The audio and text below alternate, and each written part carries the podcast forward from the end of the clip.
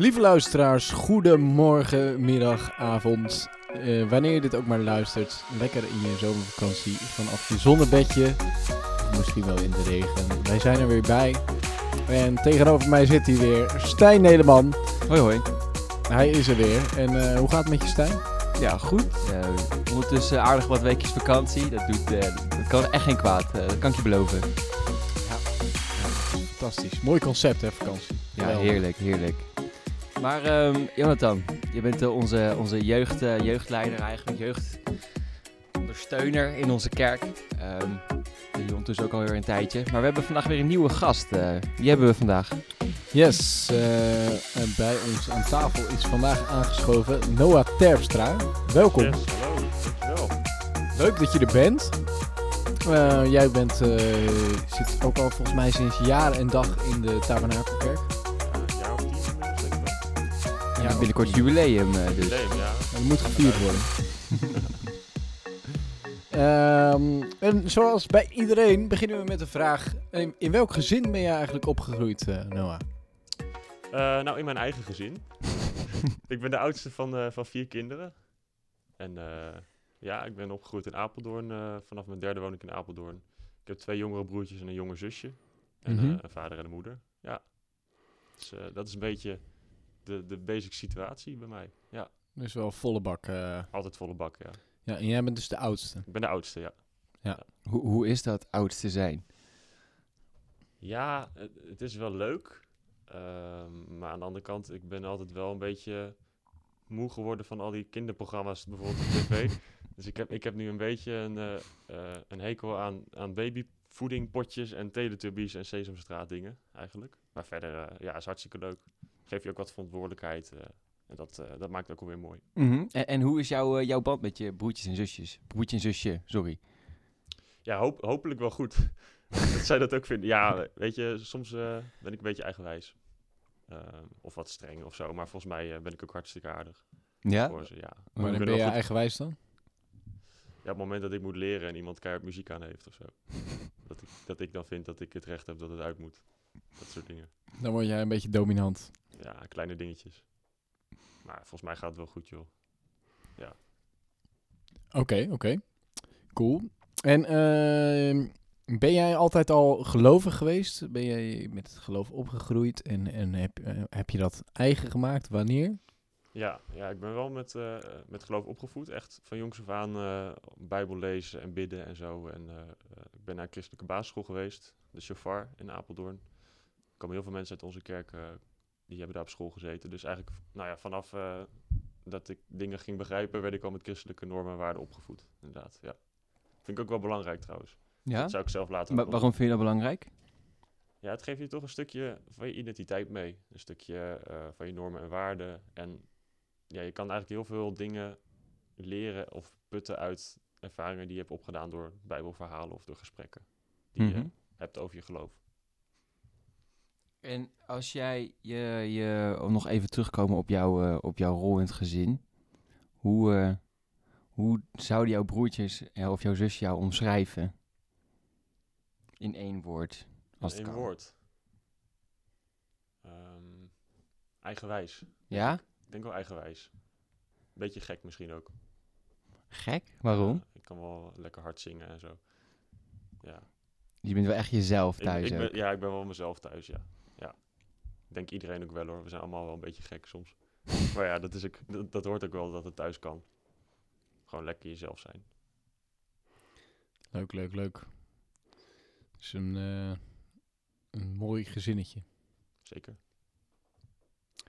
Oké, en op- eh, heb je op een gegeven moment het, dat geloof waar we het net al even over hadden, heb je dat op een gegeven moment ook wat meer eigen gemaakt? Ja, ik denk het wel. Ik denk ook misschien al wel wat jonger dan anderen. Ik denk ook wel dat ik echt op de basisschool al zelf heel erg mijn dingen ging afvragen. En ook wel misschien wel kritische vragen stelde. Of, of dingen wel echt klopten. Of de wereld echt in zes of zeven dagen dan werd gemaakt. Of dat het Dat had je toen al op de basis. Ja, ik denk einde van de basisschool, maar zeker ook eh, op de middelbare school. Hm. Ehm, en ook gewoon eh, ehm, eigenlijk in bijbelverhalen opzoeken, op internet kijken waar dat dan was en of die plekken waar dat dan nu allemaal is en dat soort dingen. Dus ik was er wel veel mee bezig, want ik was best wel nieuwsgierig en ik wilde eigenlijk dat is nog steeds, alles wel weten. Ehm, en ook weten hoe het echt zit. Dat is misschien ook wel een beetje gevaar bij geloof, want je, je weet ook niet alles 100% zeker. Ja, want ben je, ben je verder gekomen in veel dingen? Weet je, weet je nu veel meer over dat soort thema's? Ja, nou, ik, ik heb me wel verdiept in bepaalde plekken of bepaalde gebeurtenissen. Ehm, maar- Nou, gewoon de tijd van, eh, van Jezus en de, eh, de reizen die ze bijvoorbeeld bij Mozes maakten, wa- wat dat dan was qua plekken, dat het van Egypte naar Israël ging. Dat soort eh, dingen waar dat dan zich allemaal afspeelde bijvoorbeeld. Of hoe dat er nu uitziet. Maar wat is dan voor jou geloven? Waar zit hem dat dan in? Ehm, ja, ik denk, ik denk ook wel gewoon in het dagelijks leven eigenlijk ook. Overal eh, kom je geloof tegen. In gesprekken met mensen. Eh, maar ook gewoon in de dingen die je ziet of de dingen die gebeuren. En in je eigen kijk op situaties of op, op dingen. Overal kom je geloof tegen. En, en hoe rijmt dat met jouw zoektocht naar de waarheid? In de zin van, eh, hè, wat was de route die Mozes liep door de woestijn, bij wijze van spreken? Eh, hoe, hoe matcht dat met elkaar? Ja, ik denk dat ik gewoon van nature eh, heel veel dingen wil weten. En ook heel veel eh, wil onderzoeken en wil uitzoeken. Ik hou ook heel veel van geschiedenis. Eh, dus ik vind het heel gaaf om ehm, verhalen uit de Bijbel niet alleen de boodschap eruit te plukken. Mhm. Maar ook te kijken waar het dan is geweest en hoe dat dan is gegaan. En als je, als je van die verhalen hebt van verschillende volken die dan met elkaar in de oorlog waren of zo, waar die volken dan vandaan kwamen en Mhm. hoe dat dan allemaal is gelopen. Dus dat soort dingen vind ik altijd wel interessant. En hoe dat zich rijmt met, met mijn geloof. Het, het zijn denk ik twee verschillende dingen. Want dit is echt het feitelijk willen weten. Mhm. En je hebt ook het onderdeel van geloof dat je gewoon dingen gelooft in plaats Mhm. van de feiten weet. Want je, je kan niet alles in je geloof zeker weten. Dus dat is meer een stukje vertrouwen. En Ja. vertrouwen is dan ook geloven eigenlijk. En dan zou je dus eigenlijk zeggen van, joh, die, die, die, die, die drang om die historische context te leren kennen of die te begrijpen, is persoonlijke interesse. Ja. Draagt dat ook echt bij aan ja, de geloofwaardigheid van jouw geloof dan? Ehm, nou, ik denk dat ik dat sowieso wel, wel had. Ik, ik trok weinig eh, verhalen uit de Bijbel in twijfel. Dus eh, het, het deel echt geloven, dat zat er ook altijd Mhm. al wel. Eh, het is alleen, denk ik, inderdaad wat extra. Dat ik het gewoon extra Ja. interessant vind om te weten waar dat dan was Ja. en hoe dat dan ging. Iets beter in verbeelden, iets Ja. beter in, in verplaatsen misschien. Ben je ook wel eens in eh, Israël geweest? Nee, maar het zit zeker wel mijn lijstje waar ik nog eh, heel graag heen wil. Ja. Ja, zo'n reis naar al, die, natuurlijk, eh, eh, naar al die plekken. Dan heb je echt eh, al heel veel Bijbelse plekken in één natuurlijk. Jeruzalem, Capernaum, weet ik veel. Het meer van Galilea. Al dat soort... eh, Ja, daarom lijkt me heel gaaf. Ja. Is er dan nog een specifiek gebied waar je dan naartoe zou willen? Ehm, ja, misschien gewoon waar, waar Jezus eh, is geweest in zijn, eh, in zijn laatste jaren. Vooral gewoon eigenlijk die, die plekken in Israël nu. Mhm. Tof. Misschien naar de Klaagmuur. Ook wel een mooi stukje Dat is ook- geschiedenis inderdaad. Ook wel gaaf, ja. Gaaf om te horen. Alright. En ehm, wat... eh, nou ja, jij groeide dus op in dat gezin. Op een gegeven moment heb je dat geloof een beetje meer, eh, meer eigen gemaakt. En op dit moment doe jij een opleiding genaamd Bestuurskunde. bestuurskunde. Kijk, Bestuurskunde, ja. en, en hoe, eh, hoe ben je daartoe gekomen? Ja, ik denk dat het...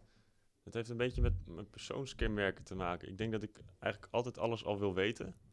En alles wil bestuderen en wil onderzoeken. Maar ook eigenlijk ergens diep van binnen wil ik de wereld een stukje beter maken. En eh, dat kan op verschillende manieren.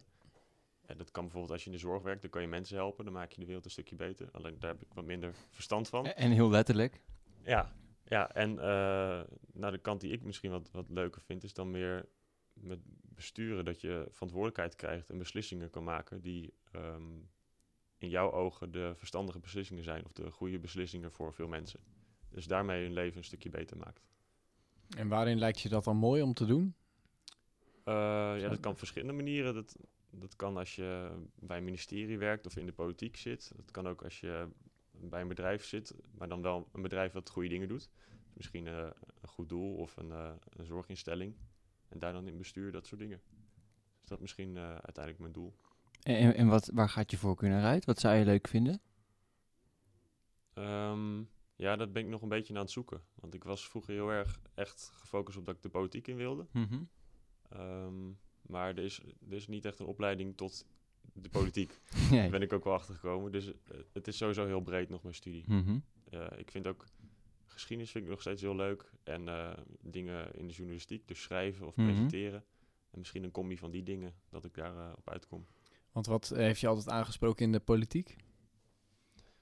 Ja, dat, dat, dat, dat komt van een tijdje geleden. Ik denk eh, dat ik ergens in groep 7 of 8 waren de verkiezingen. En toen, eh, toen hielden wij ook scholierenverkiezingen.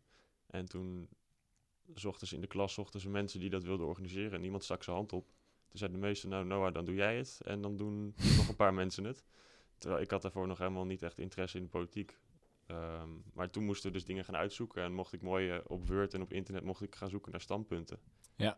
En sindsdien eh, heb ik die interesse en is dat eigenlijk ongezond veel gebleven. De rest... eh, Ja? Ongezond Ja. veel? Wat dan? ja, joh, ik- de hele dag ben ik bezig met, met informatie eh, opslurpen over die dingen. Dus eh, veel kranten lezen, veel artikelen lezen, veel podcasts luisteren. Dat soort dingen. Wat luister je dan bijvoorbeeld? Wat, wat zegt een politieke podcast? Eh, de stemming is een eh, van, eh, van Xander van der Wulp en Joost Vullings. Dat Oh ja. zijn die politieke commentatoren. Ja, ja, ja, ja. En betrouwbare bronnen van Jaap Jansen. Gaat ook vaak over politiek. Mhm. En ook over geschiedenis, dus een combinatie van die twee. Met PC Kroeger. Ook, vind ik ook super interessant. Eh, maar ik luister ook dingen als de Formule 1 podcast, voetbalpodcast.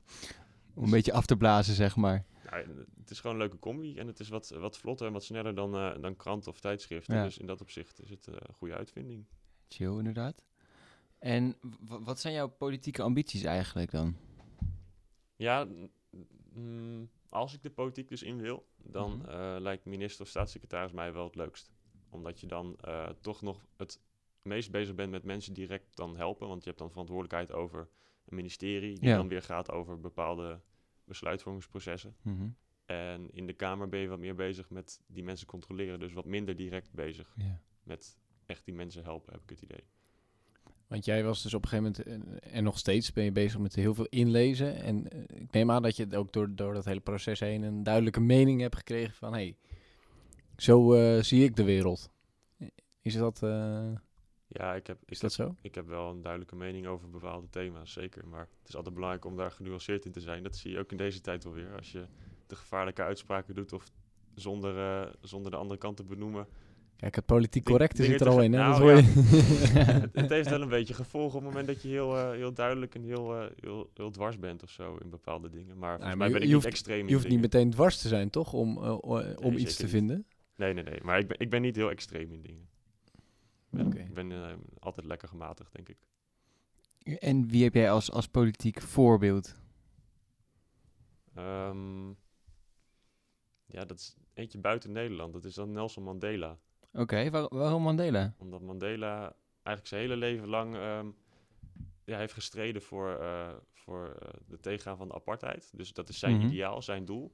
En daar heeft hij zoveel voor over gehad. eh, is hij voor in de gevangenis gezeten. En uiteindelijk, na zoveel jaar, is hij eruit gekomen. En heeft hij, uiteindelijk is hij dan alsnog president geworden. En Mhm. heeft hij echt heel veel gedaan eh, tegen apartheid in Zuid-Afrika. Ja, en wat haal je daar voor een boodschap uit? ja, toch een beetje doorzetten eigenlijk. Dat je, eh, als je het echt wil en echt graag eh, je doel st- nastreeft, Mhm. dat je daar dus echt veel voor over moet hebben. Want je zal het best zwaar hebben dan waarschijnlijk. Maar dat Mhm. het vaak ook wel lukt als je echt doorgaat en als je het echt wil. Maar betekent dat dat je eh, eh, politiek gezien een beetje links bent? Dus een beetje meer voor... eh, ik weet niet of iedereen eh, helemaal scherp heeft wat links en rechts zijn. Dus links is een beetje meer de, hè, de sociale partijen... Die, die dus strijden voor ja, gelijkheid. Iedereen gelijke rechten. Is, is dat een beetje jouw, jouw hoek? Ja, ik denk dat het links en rechts dat het tegenwoordig niet meer helemaal klopt. Ik gebruik zelf Mhm. de termen ook nog wel. Maar ik denk dat je het niet meer in die hokjes kan stoppen. Dat het echt per thema gaat over of je bepaalde standpunten hebt. En dat kan dan wel bij een linkse partij horen. Kijk, GroenLinks, dat blijft links, want dat zit in de naam. Eh, maar partijen schuiven ook nog wel eens op thema's, of het nou links of rechts is. Zouden we je kunnen omschrijven als een rationalist? Iemand die graag rationeel nadenkt over, over beleid? Mm, vaak wel, maar op het moment dat het dichtbij komt, dan weer niet. Nee, wat dan? Nou, een voorbeeld. eh, ik, kan best, ik, ik heb best wel rationeel nagedacht over bijvoorbeeld eh, het thema veiligheid. Mhm. Eh, maar op het moment dat je zelf daar gedoe mee krijgt of er gebeurt een keer iets, dan ben je op zich, dan heb je best wel snel emotioneel ook van, nou, dan moet dit en dit gedaan worden. Ja, Dus in dat opzicht. dus het is je rationele gang van zaken afwisselen met je emotionele... Ja, ik denk dat Emotionele iedereen dat wel heeft. Ja, Ik denk dat niemand alleen maar rationeel handelt, want dat gaat uiteindelijk ook mis. Want daar ga je eh, niet veel vrienden mee maken. En als je het alleen maar emotioneel doet, dan heb je niet vaste standpunten waar je bij kan blijven. mhm. En dan ben je zo onvoorspelbaar dat ook niemand in je buurt blijft eh, hangen. In dat opzicht. Maar stel, hè, je, la- je noemde net het voorbeeld van eh, eh, dat je aan het studeren bent en dat iemand daar een, een, een, een kaartmuziek aan het luisteren is. Hoe ga je daar dan in? Hoe, hoe los je dat op? Ben jij dan gelijk op zoek naar het middenweg? Ga- jij vol in de beuk? Hoe, hoe stel je je op? Ehm, ik ben wel direct. Eh, ik zou wel naar diegene toe gaan. Mhm. Ik denk dat je daar me- meerdere manieren in hebt. Je kan, eh, ehm, je kan daarover appen naar vrienden van... oh, wat mijn, eh, wat mijn bovenbuurman nou doet, dat, is niet, dat vind ik niet kunnen. Mhm. Of je kan naar hem toe gaan en vragen van... nee, kan je wat zachter doen? Ja. En ik zou wel dat tweede doen dan. Mhm. Ik zou dan wel die confrontatie aangaan. ja, daar ben je niet, vies, niet vies van, zeg maar. Nee, maar ik zou het wel vriendelijk doen. Ja. Ik zou niet gelijk proberen hem kapot te gooien of zo zoals de radio. Dus-. Dus je zou de confrontatie aangaan, maar niet hoog in de emotie, wat nee, dat betreft. Nee, nee, nee. Oké. Ik ben toch nog even benieuwd. Als je een, een Nederlandse politicus zou moeten aanwijzen, wie is dan jouw voorbeeld? Glad ijs, maar succes. Hmm. Ja, dat is een lastige. Ik heb niet één voorbeeld eh, dat het echt volledig... Je moet kiezen. Ik moet kiezen. nou, geef me vier opties. Dan kies ik er daar één van. Oké, optie 1. Gertjan Segers. Ja, goeie. Dat is een Eh, goeie. Rutte, laten we die er ook bij ja, Rutte vind ik ook een goeie. doen. Eh, Hugo. Ja, Hugo de potentieel, eh, potentieel lijsttrekker. Tenminste, tegen die tijd dat, eh, tegen de tijd dat de verkiezingen zijn geweest, eh, wordt dit pas uitgezonden.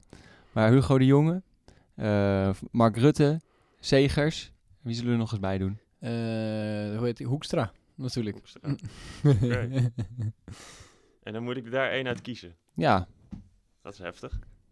Nou, laat ik het zo zeggen. Ik, eh, de keuze die ik dan maak, dat is niet gebonden aan de partij. Mhm. Dat is dan op de persoon. Ja, jij wil echt niet eh, op een partij, Joh, eh, aan een partij gebonden worden. Misschien ben ik ook nog wel gewoon een zwevende kiezer. Heel veel Ja. mensen die, eh, die kiezen dan wel gewoon een partij omdat dat dan goed voelt. En nog meer mensen die doen dat eh, alleen maar op one-liners en op tweets. Mhm. Wat dan in het nieuws komt. Maar ik hou me er zoveel mee bezig dat ik bij, bij elke partij en bij elke persoon misschien wel kanttekeningen zie. Oké, het gaat om de persoon dan in dit geval. We koppelen het even niet aan een partij. Echt op persoonlijk vlak of in de politiek gezien hoe ze er het beste uitkomen? In de politiek. In de politiek. Dan zeg ik toch Rutte nu door de coronacrisis. Ja. Die Nederland er daardoor heen managt. Dat, dat vind jij tekenend en daarom zou jij hem... Ja, Daarom schat jij hem Hij best is in. echt eh, op dit moment een soort vader voor de, voor de bevolking eigenlijk met elke keer zijn, eh, zijn persconferenties. En dat hij eigenlijk ervoor zorgt dat 17 miljoen mensen een beetje ehm, zich in de toom kunnen houden. Mhm. Dus in dat opzicht vind ik hem wel heel, eh, heel goed bezig. Maar eh, dat vind ik wel interessant dat je zegt van eh, persoonlijk of, of in politiek. Dat brengt ons ook een beetje bij een volgend thema. Van, denk jij dat eh, je, dat op een bepaal- bepaalde manier kan combineren? Jouw geloof bijvoorbeeld. En geloof is iets, iets persoonlijks. Eh, maar je zou ook kunnen zeggen, geloof is iets wat al, alles overstijgt. Eh, wat wat ook, dus ook in je politieke carrière terug zou moeten komen. Hoe kijk je daarnaar?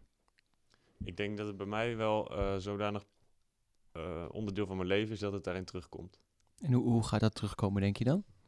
Ehm, gewoon de thema's die ik belangrijk vind. Ehm, het, het betekent niet dat als je christelijk bent dat je dan per se bij een christelijke partij hoeft. Mhm. Ehm, ik ken ook al voorbeelden van Kamerleden die christelijk zijn en bij GroenLinks zitten. Ja. eh, of eh, bij PvdA, Mhm. bij de VVD. Dus daar heeft het niet mee te maken. Maar het kan wel te maken hebben met wat je belangrijke thema's vindt. Dus ik vind zelf bijvoorbeeld het klimaat vind ik belangrijk. Ja. En dat komt eigenlijk ook omdat ik vind dat wij voor de wereld moeten zorgen. Een soort Ja. ren- renmeesterschap. Mhm.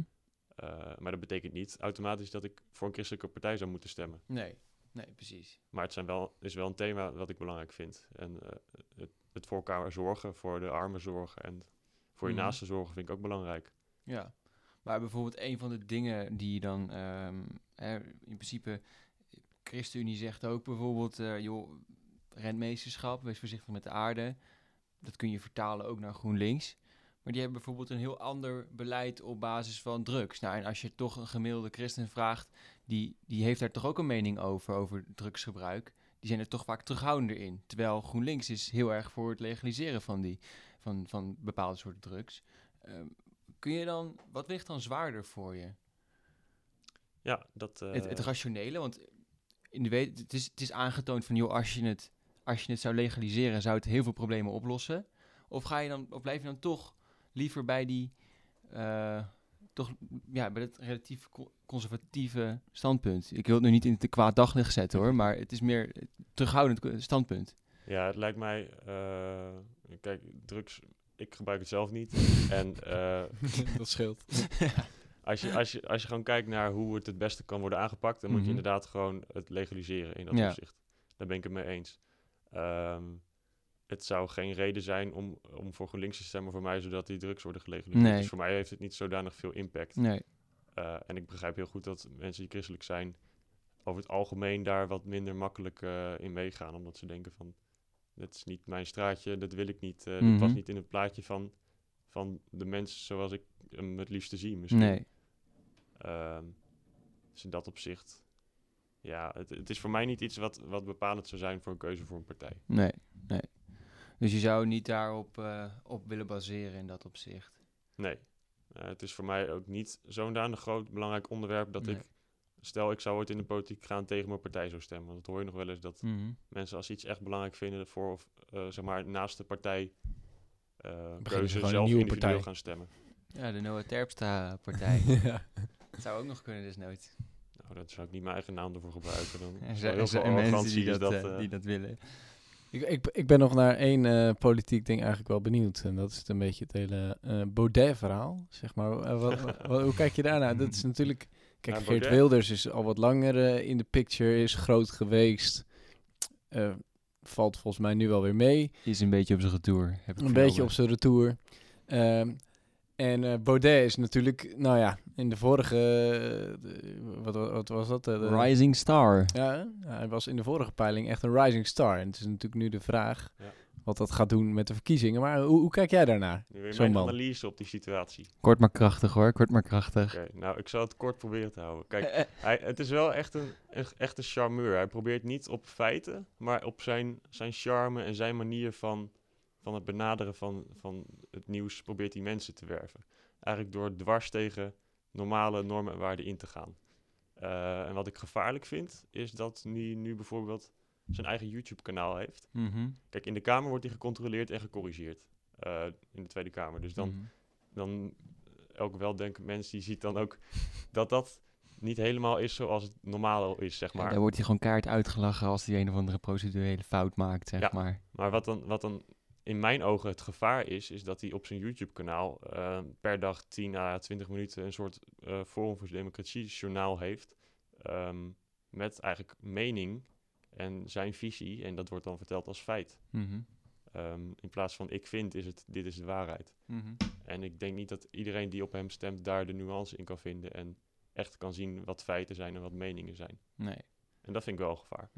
Waar, en waar zit hij er dan? eh, wa- waarin heeft hij een gevaarlijke mening? Ehm, zijn mening over het klimaat, zijn mening over integratie, immigratie, eh, Nederlandse identiteit. Allemaal dat soort dingen. Het zijn inderdaad glad ijsthema's wat dat betreft, hè? Ja, ja. Dat klopt. Maar goed, je moet niet vergeten dat ook, eh, ook eh, Denk bijvoorbeeld, van wat er nu nog van over is. Maar ehm, ja, die gaan ook gewoon vrolijk verder op YouTube zonder tegengas te krijgen. Dus ja, we moeten zien hoe dat, op zijn, be- hoe dat gaat, gaat lopen, denk ik. Ik denk dat het ook een proces is van jezelf nu profileren door, eh, voor de verkiezingen volgend Mhm. jaar. Precies. Dat mensen zich nu eh, wat meer gaan losmaken van de afspraken die ze maken. Mhm. Bijvoorbeeld in de coalitie zie je dat ook, dat ze steeds meer toch nog hun eigen dingen gaan doen en eh, wat minder met de coalitieafspraken ehm, meer handelen, maar meer hun eigen mening verkondigen. Hey, laten we weer even teruggaan naar, eh, naar jou. Het is leuk om even wat van die algemene thema's erbij te pakken, omdat wat jij daar, omdat dat specifiek jouw interessegebied is. Ik ben wel even benieuwd, wat, wat zijn ehm, in jouw leven tot nu toe ehm, dingen waar je trots op bent? Successen of dingen waarvan je, nou ja, gewoon dingen waar je trots op bent. Ehm, nou, ik denk dat ik altijd wel een soort combi doe van dingen die ik leuk vind. Daar ben ik wel trots op. Ik zie heel veel mensen die, eh, ehm, nou, misschien een beetje niet, niet eens weten wa- wat ze met hun leven aan moeten. En best wel veel eh, lekker YouTube kijken of Netflixen. En ik, ik heb gewoon voor mezelf gevonden wat ik leuk vind. En daar een, soort gezonde combi in maken. Dus dat is bijvoorbeeld eh, de studie die ik leuk vind, maar daarnaast ook nog kunnen sporten. Ehm, lekker met mijn vriendin chillen. Ehm, en daarnaast lekker boeken lezen en de programma's kijken die ik leuk vind of podcast luisteren. Dus daar een soort combinatie in, eh, in vinden. En ik heb het idee dat niet iedereen van onze leeftijd dat nog doet. En soms een beetje de makkelijke weg kiest en, en Netflix gaat kijken of gaat gamen of zo. Mhm. En misschien dat mensen dat ook leuk vinden, maar ik vind het juist leuk om andere dingen te doen. En ja, in dat opzicht hoef ik er ook niet per se bij te horen. Ik hoef niet eh, te gamen met andere mensen. Ik doe liever mijn eigen ding dan. En dat ik er zo in kan staan voor mezelf, dat is wel iets waar ik dan trots op ben. Want wa- wat is, wat is dan de, het moeilijke daaraan? Je hebt het over, en dat is dus niet de makkelijke weg, maar wa- wat is het moeilijke daaraan? Eh, dat je zelf dingen moet gaan ontdekken en initiatief moet nemen. Ehm, dat je op een dag moet gaan besluiten, nou, ik, eh, ik ga naar de biep, ik, eh, ik lees een boek. Ik haal daar een boek in plaats van dat je je Xbox opstart en daar Fortnite gaat spelen of zo. Ja. En, en lezen is toch misschien een stuk vermoeiender voor je hoofd dan, dan gamen in dat opzicht.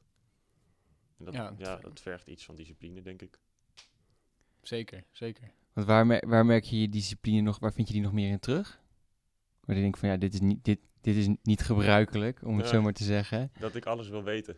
Dat ik, eh, dat ik, als ik een thema interessant vind, en dat is eigenlijk met geschiedenis, is dat over het algemeen met alles. Mhm. En eh, bijvoorbeeld ook met politiek of met eh, eigenlijk de wereld een beetje snappen.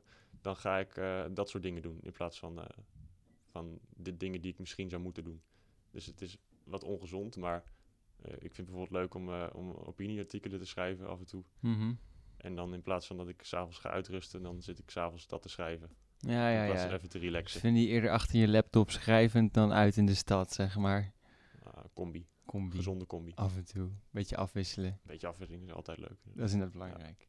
Hey, zijn er ook ehm, periodes in jouw leven geweest die echt eh, moeilijk waren? Dingen waar je echt eh, mee gestruggeld hebt? Of waar je doorheen moest gaan? Nou, ik denk dat je, je puberteit is altijd lastig. Want dan ga je eigenlijk een soort van je identiteit vormen. Ehm, maar in, op het moment dat je al denkt van, oh shit, wat gebeurt er? Of zo, of je, je bent nog bezig met van alles en nog wat doen, maar je hebt nog geen idee waar je heen gaat, zeg maar, wie je gaat worden. Dat je dan soms eh, ja, eventjes geen idee meer hebt hoe je dat gaat oplossen, zeg maar. Dus nou ja, bijvoorbeeld, dan zit je in de tweede klas Mhm. en dan denk je van, oké, ik heb nu mijn, eh, mijn maximale... Wat er in mijn hoofd kan, kan gebeuren, zeg maar, aan schoolkennis en aan alles eromheen. Vriendjes, vriendinnetjes, ruzietjes, weet je, van die brugklasdingen. Mhm. Dat heb ik nu bereikt. En dan zie je op school zie je nog van die reuzen... Ik was zelf ook een reus. Maar zie je van die reuzen lopen die dan nog vier jaar verder zijn. Dat je denkt, hoe kom je daar in vredesnaam? Even voor onze luisteraars, die kunnen natuurlijk niet zien, maar Noah, hoe lang ben je? Uh, 3 meter 20. Zo ongeveer, ja. ja. als de wind verkeerd staat. Ja, s ochtends vroeg is die centimeter langer. nee, Ja. maar ik snap inderdaad wat je bedoelt. Dus dat, dat je, ehm, je je wereld verruimt, aanzienlijk, zeg maar. Dat is wat je, wat je hebt ervaren wat dat, Ja. dat opzicht. Ik, ik had, dat is misschien een beetje arrogant, maar ik had echt op mijn 14 het idee dat ik alles al wel snapte en alles al Mhm. wel wist. Maar ik denk ook wel dat het voor mijn omgeving bloedirritant was om te horen. Dat ik er dan als een soort bedweter rondliep en het wel allemaal wist. Mhm. Terwijl dat dan allemaal veel oudere en wijzere personen waren. Mhm. Die dan echt wisten hoe het zat. Ja. Ben je over je geloof ook altijd al zo zeker geweest dan? Ehm, nee, dat, dat zeker weten, dat is een soort... Ja... Dat is gewoon een soort gevoel dat je dan denkt van... Oké, nu snap ik alles, nu, nu is de cirkel rond en ik weet Mhm. het wel. Zo'n soort geniaal punt in je brein dat je denkt... Nou, dit is de conclusie. Mhm. Ehm, en bij mijn geloof... mm, of ik, al- ik, was, ik was wel altijd zeker dat ik geloofde. Mhm. Ik heb daar nooit aan getwijfeld. Ik heb wel af en toe me afgevraagd van, nou, eh, ik heb op dit moment eigenlijk wel wat hulp uit de hemel nodig, maar ik zie het nou nog niet, zeg maar, gebeuren nu. Nee. Dat vind ik wel een beetje vervelend. Wat voor momenten waren dat dan? Ja, weet ik, dat kan heel verschillend zijn. Het kan zijn op het moment dat je opa of oma overlijdt of, of bijna overlijdt en dan in Mhm. het ziekenhuis ligt. Eh, of het kan ook zijn op een moment dat je eh, een tentamen hebt wat niet lukt of een toets hebt dat niet lukt. Mhm. En dat het heel veel afhangt voor je vervolgstudie of dat soort dingen. Ehm, dus dat kan met heel veel dingen te maken hebben. En wat mis je dan op zo'n moment? Nou ja, als je het dus hebt over die tijd eh, in de tweede klas, 14, 15 jaar, Mhm. toen dacht ik nog een beetje dat als je maar bidde, dan, eh, dan kwam er vanzelf iets dat Ja, je ging helpen, zeg maar. als je maar lang genoeg... eh, Dat, dat was dan een beetje mijn theorie, maar ja, daar kom je vanzelf ook achter dat het niet zo werkt. En wat doe je dan? Nou, dan ben je soms best boos op Ja? God. Dat, het, dat hij je dan niet heeft geholpen. En dan eh, misschien achteraf, een tijd later, dan kom je altijd nog weer tot de conclusie dat het misschien wel, wel goed was dat dingen gebeurden. Of dat dingen ook weer andere dingen op gang hebben geholpen. Of andere processen in gang hebben gezet. Want waar was je dan zo boos over? Ja, ik ben wel heel boos geweest op, op God dat mijn oma overleed. Omdat ze, ehm, zeg maar, ze had kanker. Maar ze was net ziek. Ze had het net ontdekt, zeg maar. En toen overleed ze al bij dat eerste onderzoek. Dus dat vond ik dan wel lastig toen. Heftig, ja. ja. Dat, dat, en we, hadden ook niet, we hebben ook in dat opzicht geen afscheid kunnen nemen. Dus ik was dan ook wel boos op God dat, ik, dat hij me dan niet die kans gaf. Dat Hm. hij niet eh, even in mijn hoofd het idee had geplant om nog een keer langs te gaan Mhm. of zo. Dat soort dingen. Maar uiteindelijk, Neem, neem je het God dan kwalijk? ehm, nee. Nee, eigenlijk niet. Ja, Maar- nee, nee, ja, ik weet niet waarom niet. Maar waar haal je dan de kracht van om dan weer wel weer ermee door te gaan? Ja, omdat je ook op andere momenten zie je dan wel een soort van die steun of ervaar je dat of ervaar je dat gevoel. Ik heb ook wel eens momenten gehad dat ik, dat ik eh, aan het bidden was en dat ik dan opeens een soort van het gevoel had dat het echt hielp. Mhm. Of een soort opeens een heel fijn gevoel kreeg dat, het, dat er wel iemand luisterde of zo. En later, als je wat ouder bent, dan merk je ook wel dat God ook door mensen werkt of door gebeurtenissen werkt. Dus als je ergens om bidt, dat het dan opeens wel goed komt omdat er iemand anders je gaat helpen of zo. Mhm. Zoiets. En wat was voor jou een moment dat je echt merkte van hier is, hier voel ik God, zo'n moment wat je net beschreef? Nou, ik heb, ik heb sinds heel jong, ehm, het klinkt misschien een beetje raar, het, het kan een beetje een vleugje bijgeloof zijn, maar er zijn een paar sterren in de hemel, die, die zie je als het eh, onbewolkt is, zeg maar. Mhm. Eh, en die, pik, die kan ik er altijd gaan uitpikken. Dus het, Mhm. het is eigenlijk een soort vierkantje. Is en daar binnenin eh, zit een grote soort... beer, kleine beer. eh, Nee, er, er zitten er drie. Dat is een soort driehoekje. En dat is onderdeel van de stilpan. En dat zijn er vier daaromheen. En dat, op de een of andere manier heb ik dat ooit een keer... Ik weet niet meer wanneer dat was. Ook al best jong. Heb ik die voor het eerst gezien. Op het moment dat ik dus het moeilijk had. En eigenlijk me afvroeg waar God was. En ik zag die dingen. Toen dacht ik, oké. Die gaan mij helpen of zo. Eh, en dat is dus zo'n ding. Die zie ik dus best wel vaak op momenten dat ik ergens heen ga. Of dat ik en dat ik dan zenuwachtig ben of zo. Of eh, ik heb net eh, een rot tijd gehad. Of ik heb een tentamen gemaakt wa- wat niet goed gaat. En ik loop dan naar het station. Ik kijk naar boven en ik zie die sterren daar. En dan denk ik, oh ja. Nou, de God was er in ieder geval bij of zo. Bijzonder. Ja. En ja, op de een of andere manier, soms heb je ook echt zo'n moment dat, ze dan, dat het dan redelijk bewolkt is. En dat je dan op- opeens zo'n wolk ziet weggaan en dat ze dan tevoorschijn komen of zo. Ja, dus dat, in dat opzicht, het is misschien iets heel vaags, maar dat was voor mij af en toe iets wat me wel een goed gevoel gaf. Hm. En dan heb ik niet het idee van, nou, die sterren, dat is God. Maar het is wel, dankzij die dingen voel ik me misschien wel wat beter of zo nu. En dan is het misschien wel God die ervoor heeft gezorgd dat ik die sterren nu zie. Mhm. Dus dat kan. Dat zou zijn, ja. Ik heb laatst een, eh, zo'n profetisch woordenboek een keer eh, onder ogen gehad. Omdat ik had van iemand had ik een, eh, een beeld gekregen. En daar, daarin kwam ook een ster kwam in voor. En ik, meestal, ik, ik heb wel eens vaker een beelden gekregen van mensen. Maar dan was het redelijk makkelijk uit te leggen. En ik had nu een beeld gekregen wat ik helemaal niet kon uitleggen. Met allemaal gewoon heel vaag. Ik had geen idee wat het kon betekenen. Maar goed, ik vind het altijd wel leuk als iemand dat, dat gewoon deelt. Weet je wel, dat, als iemand dat durft. Ja. Dus, eh, en toen had ik dat beeld weer met een paar anderen gedeeld. Want ik was wel heel benieuwd wat het zou betekenen. Mhm. En toen kwamen er ook sterren in voor. En sterren, eh, daar kwam ik dus via dat... Ik kwam er toen ook achter dat er dus zo'n boek bestond... met eh, Mhm. allerlei verklaringen voor...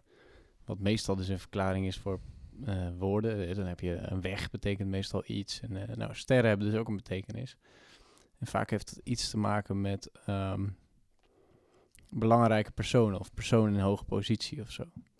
Dus eh, nou, wie weet zegt dat iets over jouw eh, ministerschap. Welk ministerie gaat het worden, Noah? Ja, dat gaan we nog zien. Dat weet ik nog niet. Altijd interessant. Hoeft niet hoor, ik wil geen, ik wil geen eh, druk op je leven leggen, maar eh, Nou ja, wat, Ik, wat, wat moest er even aan denken. Ja, ik vind het wel een mooi verhaal inderdaad. Maar wat, wat ik daar nog wel eens over dacht. ehm, weet je, die mensen die dan de- in de kamer zitten of, of bestuurders zijn of zo. Hè, het zijn Mhm. altijd redelijk wat oudere mensen. Ja. En soms eh, dan besef ik me opeens dat ik zeg maar in de afgelopen vier, vijf jaar zoveel heb bijgeleerd. Dat je zoveel meer eh, slimmer bent geworden of dingen hebt kunnen leren. En dat je dan denkt, oh ja, maar als ik dit nog 50 jaar doe en dan pas daarheen ga en dat ga doen, ja, dat moet wel goed komen of zo. Mhm. Dus eigenlijk wil je er gewoon nog mee wachten. Nou ja, het- het- je kan het gewoon nog niet op je 18e, joh. Nee. Dat is ook niet nodig. Nee. Vroeger dacht ik echt wel van, nou oké, ik moet nu, eh, ik moet nu echt doorbreken. Of whatever. Mhm. Weet je, ik heb ook mensen in mijn klas die, die zijn ook rond de 20, maar die zijn dan wel raadslid Mhm. ergens. Eh, Van Lutje gat waarschijnlijk. Ja, maar dat, dat hoeft helemaal niet. Want ehm, ja, je moet gewoon op je eigen, eigen manier doen, eigen tempo. En misschien wil ik al helemaal geen politieke kant op uiteindelijk. Nee. Misschien meer de historische kant op of de Mhm. wetenschappelijke kant op. Of ergens eh, eh, columns gaan schrijven of gaan presenteren of zo. Misschien wel eh, een tv-programma maken en dan naar Israël, eh, naar die plek toe die ik zo gaaf vind. Dat kan ook allemaal. Zeker. Er Ga. zijn nog genoeg opties open. Ik vind heel veel leuk, dus dat helpt. Dat is het belangrijkste inderdaad, ja. En als je het leuk blijft vinden, dan hou je allerlei opties open nog. Ja, daarom. Ik denk dat het tijd is voor eh Stijns laatste magische vraag. Ja, die, die heb ik. Ik ga hem even met mijn mouw schudden hoor. Nee, Noah, Noah, Noah, we hebben een, een, een vraag eh, die we eigenlijk aan alle gasten stellen. Maar eh, wat zou je mee willen geven? Wat, waar zou je mensen over na willen laten denken in, eh, in hun vakantie? Om ze toch nog een beetje bezig te houden. Ehm, ik denk de doelgroep van de podcast, dat zijn mensen die nog best wel in de, in de, in de groei van hun leven zitten vaak. Eh, Mhm. Dat zijn mensen die zich nog eh, gaan ontwikkelen en misschien nog, die misschien nog wel weten wat ze willen. Misschien nog helemaal niet. En eh, ik zou je dan willen vragen om in de vakantie eigenlijk de tijd te nemen om te gaan zoeken naar een soort perfecte combi hoe je je, je tijd gaat indelen. Mhm, Dus je hebt dan je school of je studie. En je hebt daarnaast vast ook nog werk of mhm. sport. Ehm, maar bedenk voor jezelf, wat, wat is een goede combi? Ga je, ga je per week 10 uur Netflixen? Of ga je 5 uur Netflixen en ga je, als je dat leuk vindt, geschiedenis doen, ga, je, ga, ga dan 5 uur boeken lezen? Of ga nog 5 uur extra sporten als je goed bent in sporten. Ehm, maar doe het dan niet te veel, want dan, krijg je, dan, dan, dan rust je niet uit. Dus zoek daar voor jezelf de balans. Mhm. Uh, want ik denk dat het heel goed is en heel gezond is. En ik ben soms een beetje bang dat onze generatie te lui en te laks gaat worden, omdat we te veel doen wat we leuk vinden, in plaats Mhm. van wat we misschien nog wel veel leuker vinden, maar dat niet ontdekken. Dus ik zou zeggen, nou, gebruik de vakantie om dat eens uit te proberen en daar een soort balans in te vinden. Dus lekker groot dromen. Ja, maar dan ook, doen ook. ook gewoon dat dan gewoon uitproberen. Ja. Ja. Als, je, als je denkt, eh, ik vind het leuk om, om iets te schrijven of zo, nou schrijf het dan en stuur het random op naar een. Wie weet gebeurt er nog wat mee.